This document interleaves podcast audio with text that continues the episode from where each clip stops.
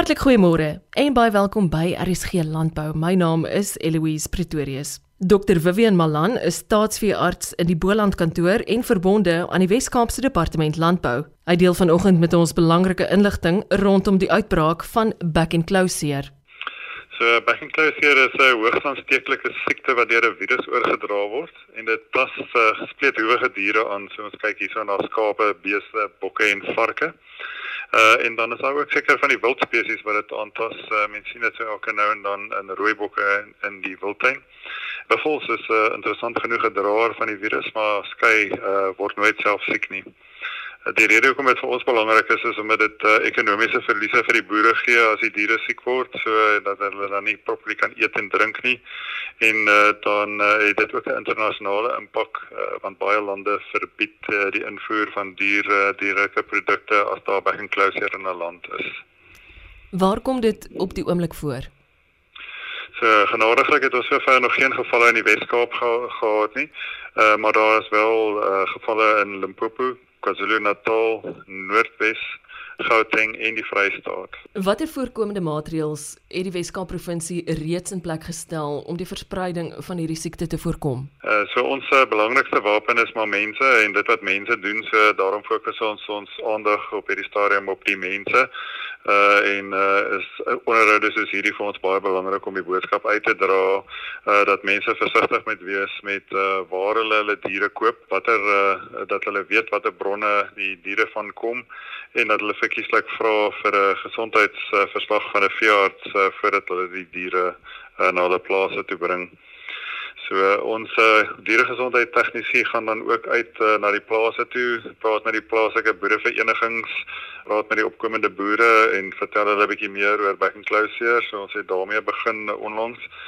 Vir watter tekens moet kommersiële en opkomende boere op die uitkyk wees in hulle kudde? So back and closure is die naam sê veroorsaak uh, seertjies en blaasies uh, in die mond, uh, veral op die tong en dan aan die binnekant van die lippe. Uh so en dan ook op die uh, diere se hoewe waar die hoef en die hare bymekaar kom. Uh so die letsels veroorsaak dat die diere dan uh, kwyl, uh, hulle staan baie keer net rond met hierdie kwyl wat uit hulle bekke uitloop. Hulle wil ook nie baie graag eet nie en dan kan hulle ook mank wees uh, van die sere wat hulle op hulle kloue kry. Daar is ook van die jong diere wat doodgaan uh, as hulle die siekte kry want hulle harte word aangetast. Dis dan ook belangrik om te onthou dat uh die diere so wat 2 weke voordat hulle begin simptome wys al reeds uh, die virus kan uitskei. So dit is 'n belangrike bron van verspreiding as uh, mense dan nie bewus is dat hulle wel reeds die virus het nie. So dit is uh, dan belangrik as mense enige van hierdie simptome sien om dadelik uh, die plaaslike staatsvers uh, te kontak. Uh, Hoopelik het die meeste van die boere daarom al 'n uh, idee van wie hulle staatsvers of hulle plaaslike dieregesondheidtegnikus is. So meld dadelik daardie simptome aan. Uh so en as hulle nie weet uh, waar die staatsvers kantoor is nie, ons uh, webbladsy op uh, www.elsenburg.com uh voorsien al daai inligting. Vivian, watter voorkomende maatreëls kan geneem word om die verspreiding van die siekte te voorkom? Ja, so biosekuriteit is uh, die belangrikste ding uh, wat enige uh, diereeienaar kan toepas.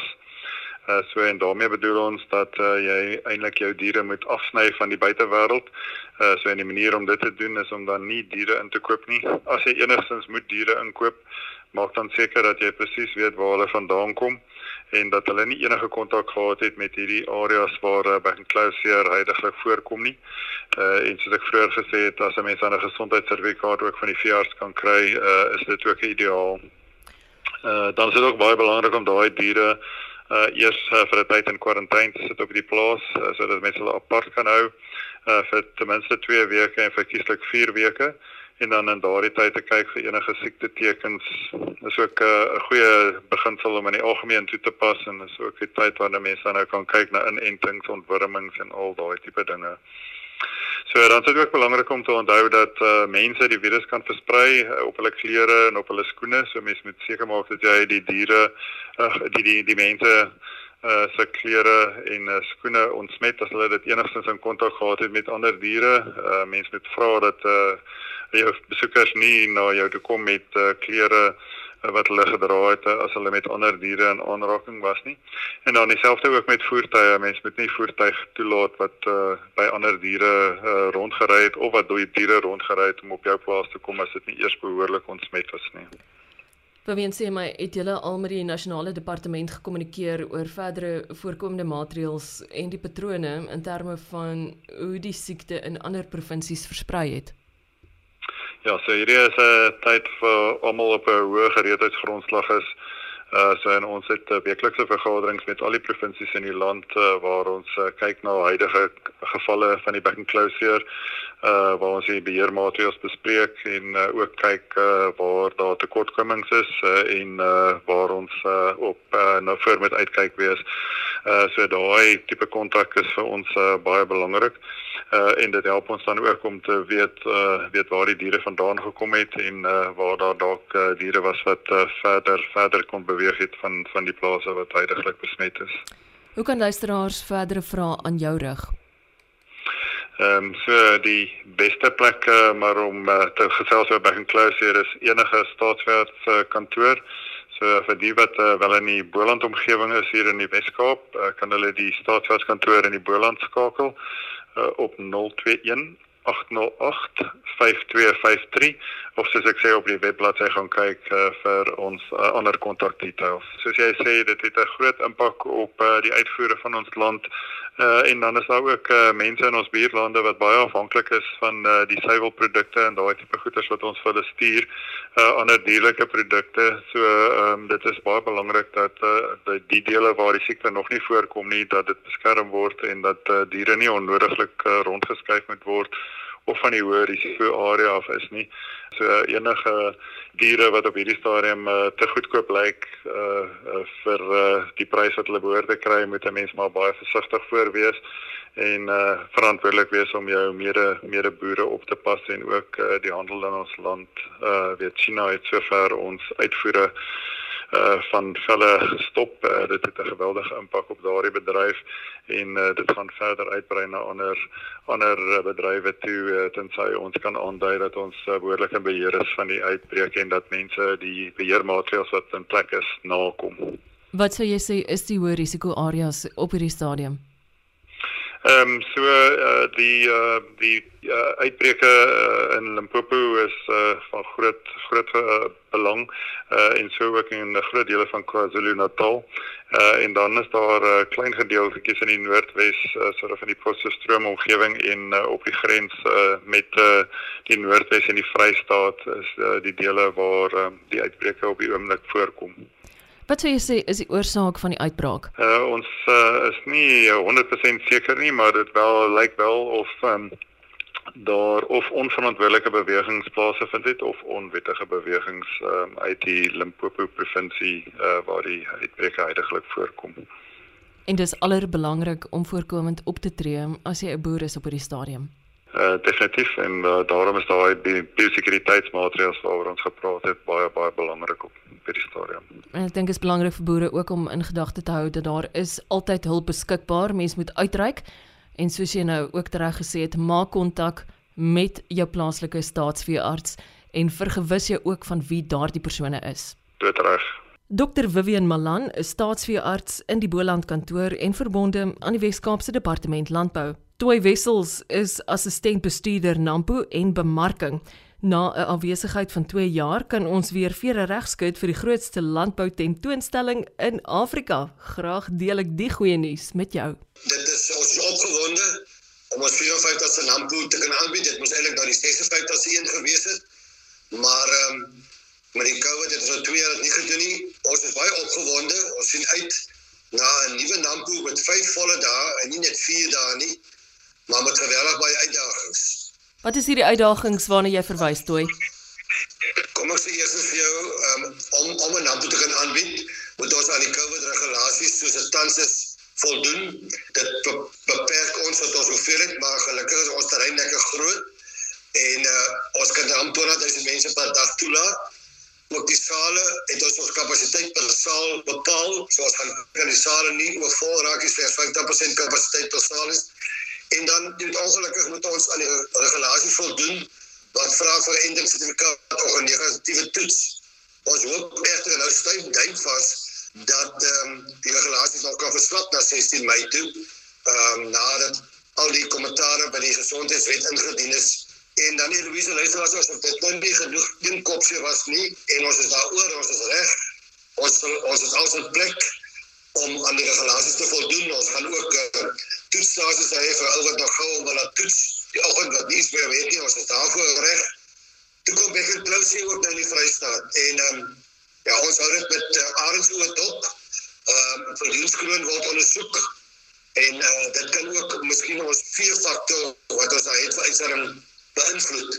So ja, die uitdagings raak nie minder nie, maar um, ons is nou bespan, ons is gewoond daaraan en ons uh, gaan dit te bowe kom en nog altyd vir ons besoekers die moeite werd maak. Oké, okay, toe ons het 2 jaar gehad om te besin oor die lewe en ek is seker dit was dieselfde met Nampo ook. Kan ons verwag dat dit vanjaar 'n nuwe baadjie gaan aantrek? Hoe gaan dit anders wees as in die verlede? Ja, ons um, ons het regtig 2 jaar uh, gesit op 'n plan. Ehm um, daar gaan heelwat nuwe uitstallings wees.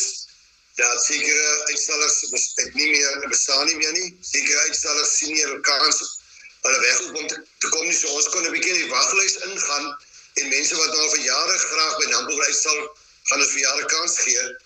Daar's baie nuwe tegnologie. Die mense het in die 2 jaar nie stil gesit nie. Jy weet uh jy weet as jy net by ons self dat Teams en Zoom vergaderings die nuwe norm geraak het, so het ons uitstallers ook regtig nuwe ontwerpe, nuwe idees en ons temas kom beleef nuwe innovasies, lewendige demonstrasies op uitstalruimtes. Ehm um, ek dink daar's dit, dit gaan 'n hele nuwe nuwe atmosfeer skep. Kom ons praat datums. Wanneer moet ons ons weer regskuit? Ons is van 16 tot 20 Mei. Kaartjies is reeds beskikbaar op die Ticketpro webblad. Net 'n paar interessante hede, jy weet, um, ons Ek gaan beperkte kaartjies hê aanlyn. Ons op die oomblik het ons net aanlyn kaartjies beskikbaar. So besoekers moet na die Ticketpro webblad gaan kyk daarvoor. Ons wil dit so vriendelik ontspanne as moontlik maak.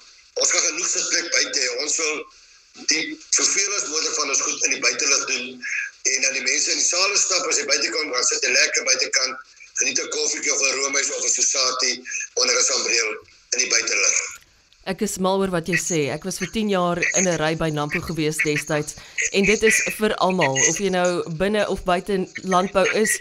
Dit is definitief 'n reg Suid-Afrikaanse ervaring wat almal op 'n stadium moet kom beleef. Ja, jy weet dan ons ons is terug met ons originele nasie gesprek. Ons gaan 'n bietjie sommer praat wat baie na aan ons hart lê, die stand van die ekonomie, die impak van die oorlog, ons wil 'n bietjie oor die landelike gebiede se omstandighede praat toestand van die munisipaliteite, dorpe en so voort en dan natuurlik ons logistieke infrastruktuur, paaie, hawens en skoonheid. So dit gaan ek dink dit gaan koop by nasie gesprek want dit is dis 'n onderwerp wat baie na aan ons en dan in die gewilde damesprogram. Jy weet ek het vir Janie Moorman daar, Sonja de Beer van die Kokkedore, Logan en Wyn gaan vir ons 'n bietjie dat proe wat wyn en en kos by mekaar kom so. Ek dink daar's regtig vir vir klein en groot, vir man of vrou is daar weer iets vir almal by Nampo wees. Waar word dit gehou? Op Nampo Park, so 10 km buitekant Botawil tussen Botawil en Okni op die gewone plek, uh, die tradisionele plek. Die mense moet maar spring verblyf, bly maar altyd in in 'n kopsee. So jy weet, uh, bespreek so lank voltydig vir jou verblyf kan nie meer Nampo net in een dag deurstap, dit is regtig net te groot. En ja, ons wil graag die besoekers sê kom Nampo toe. Ons gaan alles doen om dit veilig te laat voel. Ehm um, en kom geniet ons span 'n bietjie en kom kyk uh na die grootste landboutentoonstelling in Afrika. Toy Wessels is assistent bestuurder Nampo en bemarking. Ek sien daarna uit om jou vanjaar by Nampo buite Botawil raak te loop. Onthou hierdie program word ondersteun deur Wes-Kaapse Departement van Landbou. Baie dankie dat jy ingeskakel het. Onthou om môre om kwart voor 12 weer so te maak vir nog landbou nuus hier op RSG. Ek is Eloise Pretorius. Totsiens.